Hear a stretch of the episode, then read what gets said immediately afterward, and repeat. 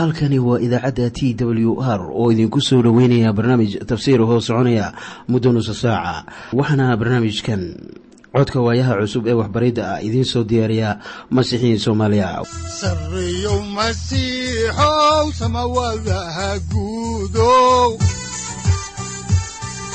Siraadkii adduunkow subanaha eebow sareyow masiixow samawadaha guudow siraadkii adduunkow subanaha eebow adigoo samaada jiro ifkaan soo saldhiganba adigoo samaada jiro ifkaan soo saldhiganba kutubtiisanaye udanogu saaciiday sharxin sifahaaga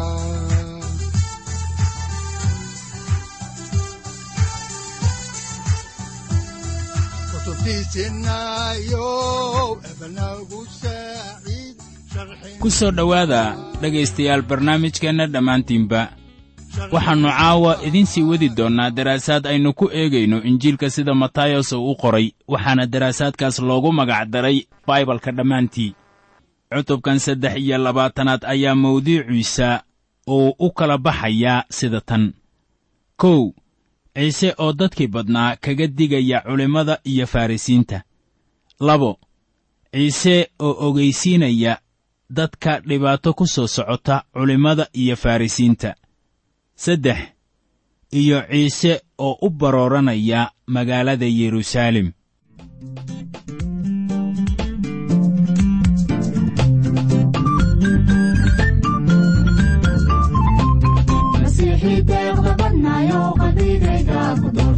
daaraaday baa lagu dulmo qalbigayga ku doortay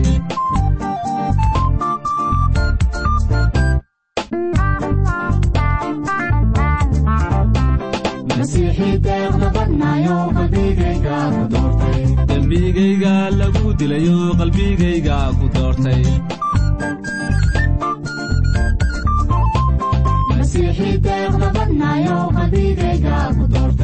intaadii baan ku diirsadayo qalbigayga ku doortay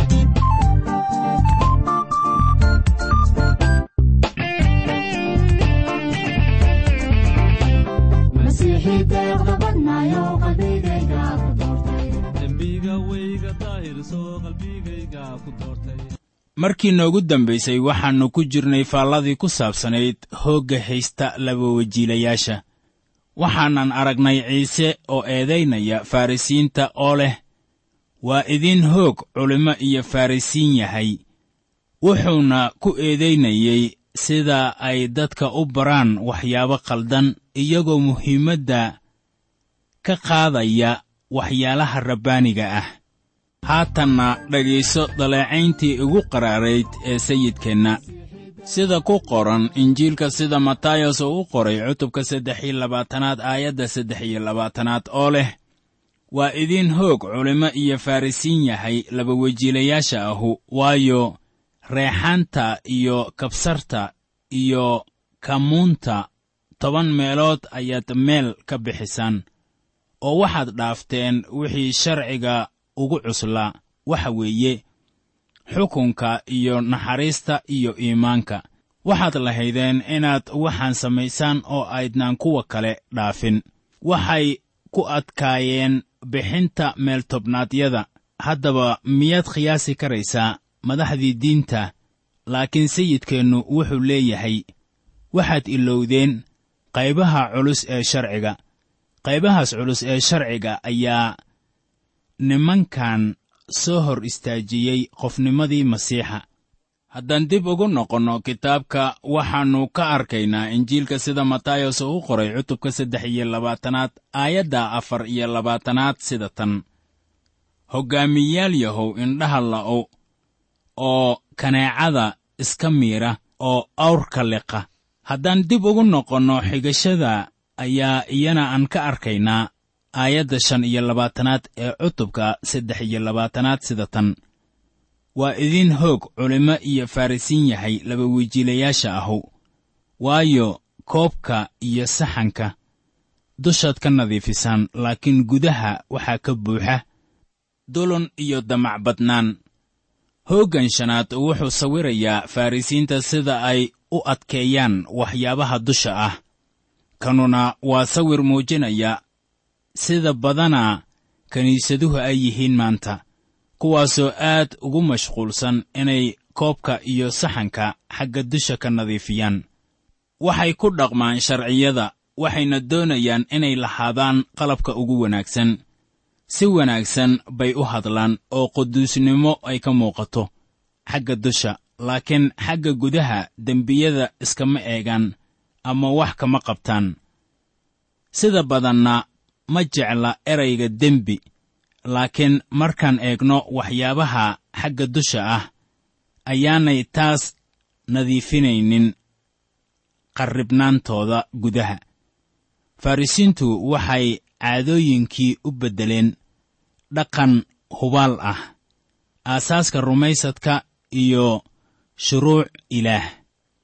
Haddaan sii ambaqaadno kitaabka ayaa waxaa ku qoran injiilka matayos sida uu u qoray cutubka saddex iyo labaatanaad aayadda lix iyo labaatanaad sida tan.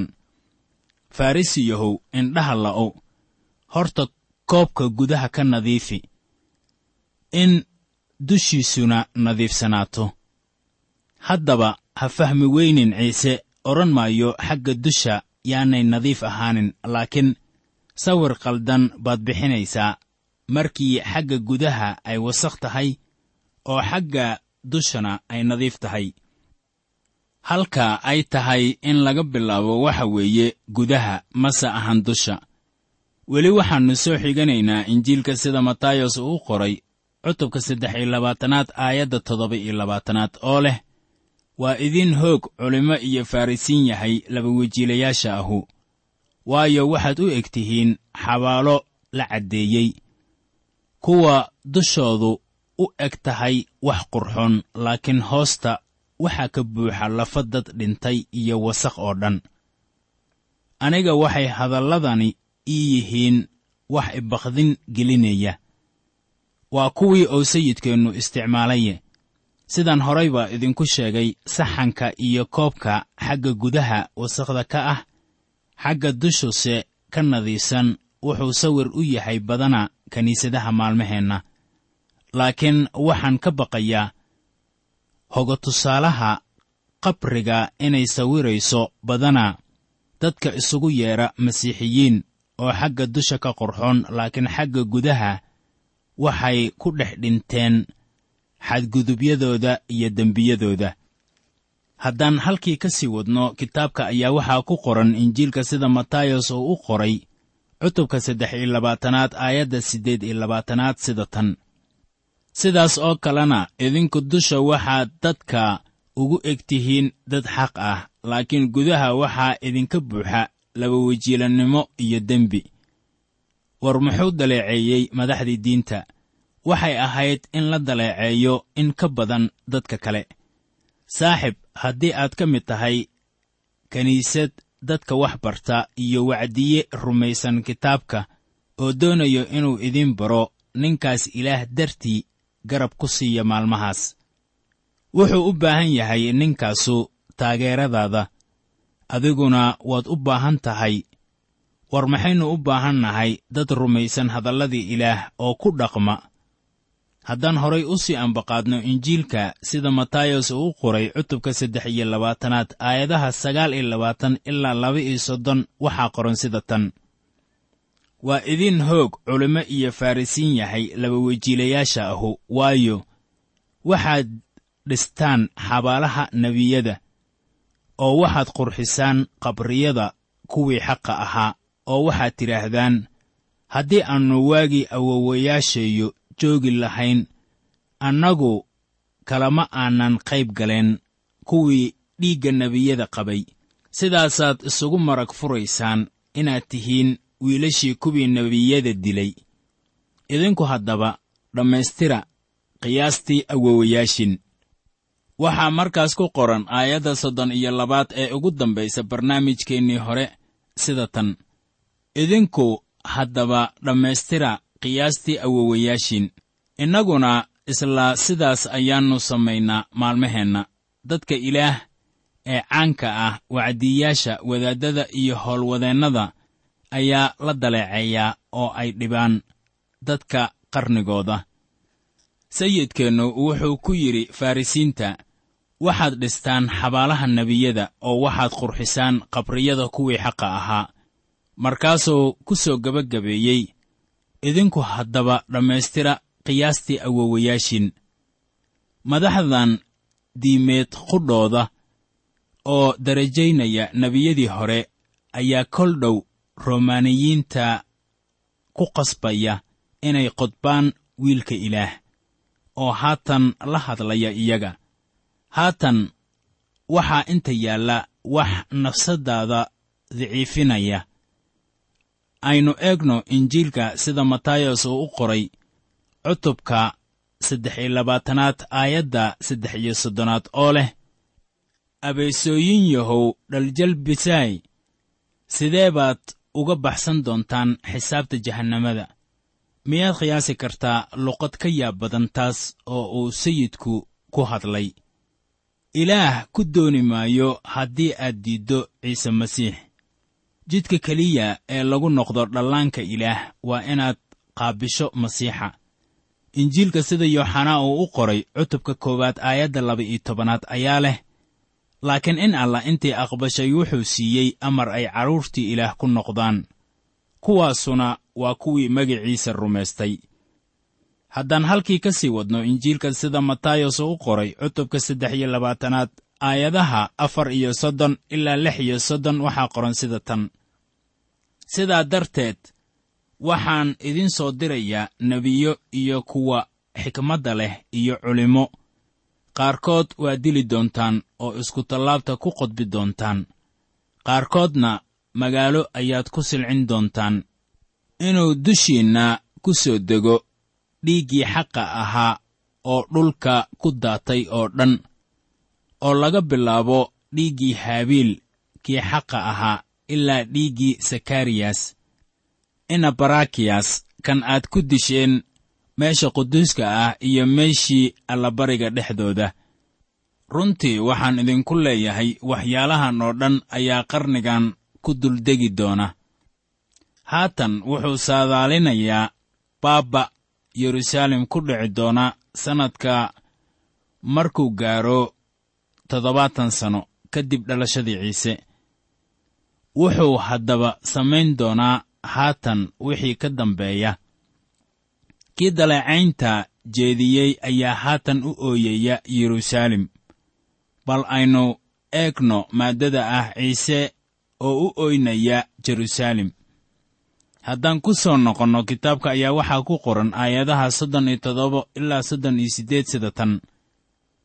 Jeruusaalemay yeruusaalemay tan nebiyada dishooy oo kuwa la soo diray ama kuwa loo soo diray dhagxisooy intee baan marar badan jeclaaday inaan carruurtaada u ururiyo xataa sida dooradu carruurteeda baalasheeda hoostooda ay ugu ururiso.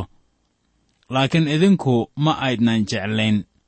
Bal eega qarnigiinnii waa laydiin daayey isagoo cidlo ah. Haddaan halkii ka sii wadno ayaa qorriinku waxa uu odhanayaa matayos cutubka saddex iyo labaatanaad aayadda soddon iyo sagaalaad sida tan.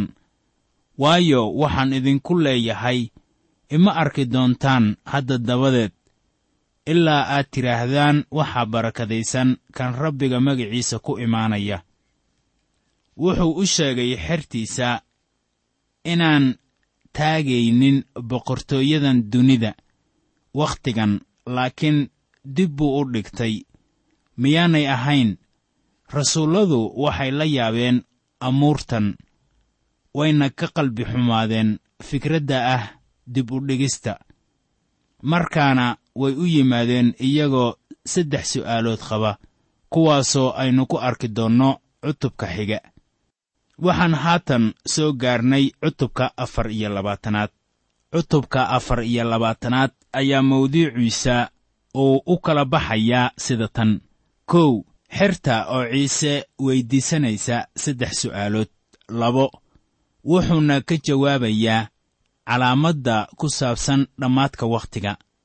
Iyo saddex calaamadda imaatinkiisa haddaba cutubka afar iyo labaatanaad iyo cutubka shan iyo labaatanaad oo loo yaqaanno qisadii buur saytuun ayaa lagu tiriyaa qaybta ugu dambaysa saddexda qiso ee injiilka sida matayos uu u qoray qisooyinkan waxay kala yihiin kow sharciyada boqortooyada khudbadii buurta. Injiilka sida matayos uu u qoray cutubka shanaad iyo cutubka toddobaad nidaamka boqortooyada labo sharciyada boqortooyada qisada masaalada yaabka leh injiilka sida matayos uu u qoray cutubka saddex iyo tobanaad ayaa wax nooga sheegaya. Ogeysiiska xaaladda maanta ay ku sugan tahay boqortooyada. Saddex gebagabada boqortooyada. Qisada buur saytuun injiilka sida matayos uu u qoray cutubyada afar iyo labaatan ilaa shan iyo labaatan ayaa wax nooga sheegaya waana mustaqbalka boqortooyada qisooyinkaas aynu horay idinku soo sheegnay ayaa waxaa la yidhaahdaa qisooyinka ugu waaweyn iyadoo ay ugu wacan tahay baaxadda macnaha iyo ujeeddooyinkooda. Iminkana aynu ka hadalno maaddada ah ciise wuxuu saadaaliyey baaba'a yeruusaalem sayidkeennu wuxuu eed dusha uga tuuray madaxdii diinta wuxuuna dhabarka u jeediyey yeruusaalem wuxuuna dadkii degganaa u sheegay in gurigooda waa macbudka ee la cidlayn doono. Haddaan markii ugu horraysay idiin soo xiganno cutubkan ayaa waxaa ku qoran injiilka sida matayos uu u qoray cutubka afar iyo labaatanaad aayadda koowaad sida tan ciise ayaa macbudka ka baxay oo intuu tegayey ayaa xertiisii ay u timid inay tusaan dhismaha macbudka. Ciise ayaa u sheegay iyaga in boqortooyadiisa dib loo dhigay oo macbudkana la cidlayn doono. Macbudka waxaa laga sameeyey dhismo fara badan. Kanuna waa macbudkii herod uu dhisay oo dhismihiisiina wuu sii socday. Waxaa laga sameeyey maar cad wakhtigaasina macbudku wuu weynaa oo qurux badnaa. Xertii aad bay ugu wareereen hadalladii ciise markii uu lahaa macbudka waa laga kala tegayaa haddaan halkii ka sii wadno kitaabka ayaa waxaa ku qoran injiilka sida matayos uu u qoray cutubka afar iyo labaatanaad aayadda labaad sida tan. Laakiin wuu u jawaabay oo wuxuu ku yidhi miyaydnaan waxyaalahan oo dhan arkaynin. Runtii waxaan idinku leeyahay halkan lagu duldayn maayo dhagax dhagax kale dushiisa oo aan la dumin doonin. Maxay taasu ka micno tahay saaxib? Waxaa taas loola jeedaa inaan lagu duldayn dhagax dhagax kale dushiisa saaran. Dhisayaashii waxay ahayd inay tagaan ooy ka soo qaadaan dhagaxan meelo kala duwan. Waayo toddobaatan sannadood kadib dhalashadii ciise ayaa taytas kii reer rooma dhab ahaantii uu burburiyey caasimaddaas in kastoo tanu ay tahay taariikh hore haddana taasu waxay u ahayd xerta muujin naxdin leh. Way ka wada hadli jireen sidaan hubo. Markaasay saddexdan su'aalood ula yimaadeen haddaan halkii ka sii wadno ayaa waxaa ku qoran injiilka matayos cutubka afar iyo labaatanaad aayadda saddexaad sida tan. Oo goortou buur saytuun fadhiistay xertii ayaa keli ahaan ugu timid oo waxay ku yidhaahdeen noo sheeg goormay waxyaalahanu ahaan doonaan oo calaamadda imaatinkaaga iyo dhammaadka wakhtiga dunidu maxay ahaan doontaa haddaba haddaan idinka sii faalloonno ayaa saddexdii su'aalood ee ay weyddiiyeen waxay kala ahaayeen kow goormay waxyaalahanu dhacayaan waa marka aan dhagax dhagax kale dushiisa aan loo dayn doonin. Labo maxay ahaan doontaa calaamadda imaatinkaaga jawaabta su'aashanu waxay ku qoran tahay aayadaha saddex iyo toban ilaa kow iyo konton ee isla cutubkan. Saddex maxay noqonaysaa calaamadda dhammaadka dunida? Jawaabta su'aashan waxay ku qoran tahay aayadaha sagaal ilaa laba iyo labaatan. Sayid ciise wuxuu doonayaa inuu ka jawaabo saddexdan su'aalood waxaanan jawaabihiisii ugu yeernay qisadii buur saytuun. Waayo dhacdadaasu waxay ka dhacday buur saytuun. Iminkana waxaynu ka hadlaynaa maaddada ah ciise oo ka jawaabaya su'aalihii xerta. Su'aashii koowaad waxay ahayd goormay waxyaalahanu ahaan doonaan marka aan dhagax dhagax dul saaran loo daynaynin ayaa looga jawaabin injiilka sida matayos uu u qoray. Waxaanse ku arkaynaa jawaabta injiilka sida luukas uu u qoray. Waxaanan qaybo jawaabtaas ah ka helaynaa injiilka sida markos uu u qoray maxaa loogu soo dari waayey injiilka sida matayos uu u qoray? Haddaba jawaabtu waxay noqonaysaa injiilka sida matayos uu u qoray waxa weeye injiilka boqortooyada. Waxaana uu muhiimadda saaraa boqorka. Burburkii yeruusaalem ee dhici doonay toddobaatan sanno kadib dhalashadii ciise ayaa lug ku leh qarnigan aynu nool nahay laakiin shaqo kuma lahan mustaqbalka fog. Marka boqorku uu imaanayo markaana matayos qori maayo qaybo ka mid ah qisadii buur saytuun. Haddaba aynu eegno jawaabtii sayidkeenna ee su'aashii koowaad sida ku qoran injiilka sida luukas uu u qoray cutubka kow iyo labaatanaad aayadaha labaatan ilaa laba iyo labaatan ee baalka boqol konton iyo kow ee axdiga cusub. Waxaana qoran sida tan laakiin goortaad aragtaan yeruusaalem oo colal ku wareegsan yihiin markaas ogaada in hallaynteedu dhowdahay. Markaas kuwa yuhuudiya jooga buuraha ha u carareen kuwa gudaheeda ku jiraana ha ka baxeen kuwa beeraha joogaana yaanay gelin. Waayo kuwanu waa maalmo aargudasho in wixii la qoray oo dhammu ay noqdaan. Innagoo halkii ka sii wadayna xigashadii injiilka sida luukas uu u qoray ayaa haatan waxaannu eegaynaa cutubka kow iyo labaatanaad aayadaha saddex iyo labaatan ilaa afar iyo labaatan oo leh laakiin waa u hoog kuwa uurka leh iyo kuwa wakhtigaas ilmo nuujinaya. Waayo dhulka dhib weyn ayaa ka dhici doonta. Dadkanna cadho waxayna ku dhici doonaan seef afkeeda oo waa la qabsan doonaa oo qurumaha oo dhan la geyn doonaa qurumuhuna yeruusaalem ayay ku tuman doonaan ilaa wakhtiga qurumuhu ka dhammaado. Labada su'aalood ee xiga ee xertu ay weyddiiyeen ciise waxay ahaayeen waa maxay calaamadda imaatinkaaga iyo dhammaadka dunida? Sayidku wuxuu doonayaa inuu ka jawaabo su'aalaha xerta iyadoo la raacayo sida ay u kala horreeyaan iyo macaanigooda.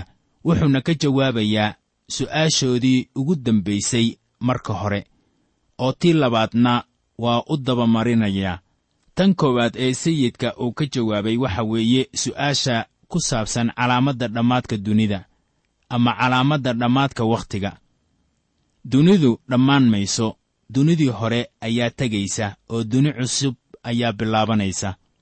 Waa sida adigoo gaari cusub ku beddelanaya kii hore walow aad wax yar oo lacag ah raadinayso. Sida badan markaana odhan maysid wakhtigii gawaarida aan wadan lahaa wuxuu ku ekaa gaarigii hore oo dooni maayo inaan lahaado gaari cusub. Haddaba gaarigii hore ee aad lahayd dartii ayaad ku heshay mid kale oo cusub sayidkuna wuxuu ku beddelayaa dunidii hore mid cusub. Sababtaas aawadeed dunidu dhammaan mayso laakiin waxaa la odhan karaa waa dhammaadka wakhtiga waana weedha ay xertu ku isticmaaleen su'aashii ay weyddiiyeen sayid ciise. Qisadan buur saytuun marka masiixu uu ka hadlayo imaatinkiisa wuxuu ka wadaa soo noqoshadiisa uu dhulka ku soo noqonayo oo uu taagi doono boqortooyadiisa. Kiniisaddu kuma jirto sawirka xaqiiqdii. Markii wakhtigu uu dhammaado ayaa kiniisadda meesheedii laga qaadayaa waxaanay noqonaysaa maalmaha ugu dambeeya ee qaranka israa'iil. Wuxuu ka hadlayaa wax ku saabsan wakhtiga dhibka weyn. Wuxuuna ku sheegay qisadiisa ciise wuxuu tixraacayaa calaamadaha wakhtigan. Innagoo ka hadlayna maaddadan ayaannu haatan dib ugu noqonaynaa injiilka sida matayos uu u qoray. Waxaa ku qoran cutubka afar iyo labaatanaad aayadda afaraad sida tan. Ciise ayaa u jawaabay oo wuxuu ku yidhi iska eega yaan laydiin khiyaanayn weedha ah iska jira yaan laydiin khiyaanayn ayaa calaamad u ah wakhtiga oo dhan sayidku wuxuu siinayaa iyaga hadal uu taxaddar ku jiro waayo waxaa jiri doona khiyaano qaas ahaan wakhtiga dhibka weyn. Marka mucaaradka masiixu uu muuqdo butros ayaa inooga digaya sidoo ku qoran warqaddiisii labaad cutubka labaad aayadda koowaad oo leh laakiin waxaa dadkii ka dhex kacay nebiyo been ah oo idinkana sidaas oo kale waxaa idinku dhex jiri doona macallimo been ah oo qarsoodi idinku keeni doona bidcinnimo hallaysan iyagoo inkiraya xataa sayidkii soo iibsaday oo dushooda ku soo dejinaya halligaad. Haddaba ma ahan inaan ka walaacno nebiyada beenta ah waayo haddii qof uu bilaabo maalmaheenna inuu waxyiyo waannu ku odhanaynaa innaga masiixiyiinta ah. Nebiyo iman maayaan wakhtigan. Haddaba waa inaan iska eegno macallimada beenta ah. Waxaana jira kuwo badan maalmaheenna waa inaynu ku imtixaanno qorniinka. Haddaan halkii ka sii wadno ayaa waxaa ku qoran injiilka sida matayos uu u qoray cutubka afar iyo labaatanaad aayadda shanaad sida tan waayo qaar badan ayaa magacayga ku imaan doona oo waxay odhan doonaan anigu waxaan ahay masiixa oo qaar badan ayay khiyaanayn doonaan. Innagoo halkii idinka sii wadayna ayaa waxaa ku qoran injiilka sida matayos oo u qoray aayadda lixaad sida tan oo waxaad maqli doontaan dagaallo iyo dagaallo hadalhayntooda. Iska jira hana baqina. Waayo waxaasu waa inay dhacaan laakiin dhammaadku weli weeye. Adigoo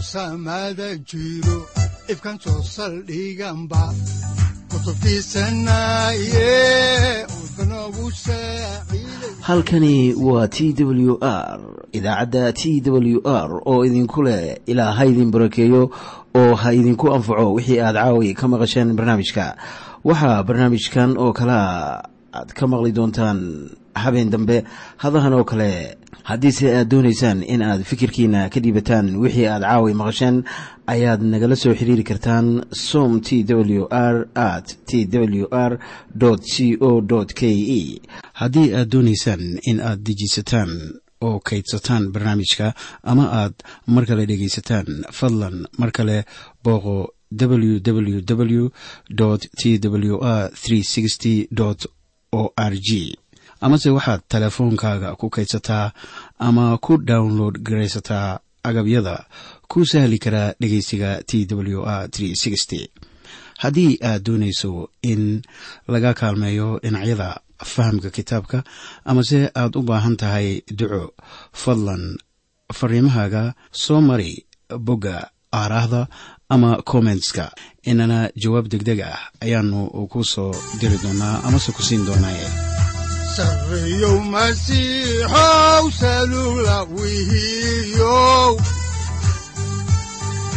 saacadda timid dhulka sabada ku dhalatiyo